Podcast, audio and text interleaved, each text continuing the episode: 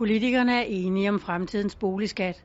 Jyske Bank-koncernens boligøkonom Mikkel Hø har den her vurdering. Jamen det bedste ved boligskatteforliget er, at det giver tryghed for boligejerne igennem en længere årrække. Det værste er, at øh, selve systemet er blevet unødigt kompliceret. Mikkel Hø siger, at boligejerne især skal være opmærksomme på de her to ting. Det er øh, en fordel at, købe hus inden 2021, så får man en personlig skatterabat. Det betyder, at man kommer til at, at slippe billigere øh, i, i, i de løbende skattebetalinger. Den anden ting, man skal være opmærksom på som boligejer, er, at man kan risikere at få et formuetab, når man skal sælge sit hus efter den her nye reform.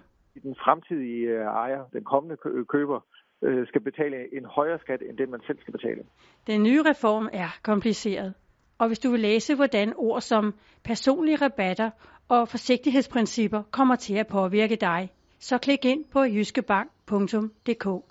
Her har Mikkel Hø beskrevet ændringerne i detaljer. Og så giver han lige boligejerne en god nyhed med på vejen.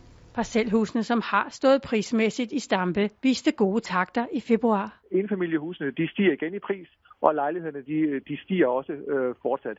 Specielt det, at enfamiliehusene øh, er begyndt at stige i pris igen, er en, øh, en god nyhed.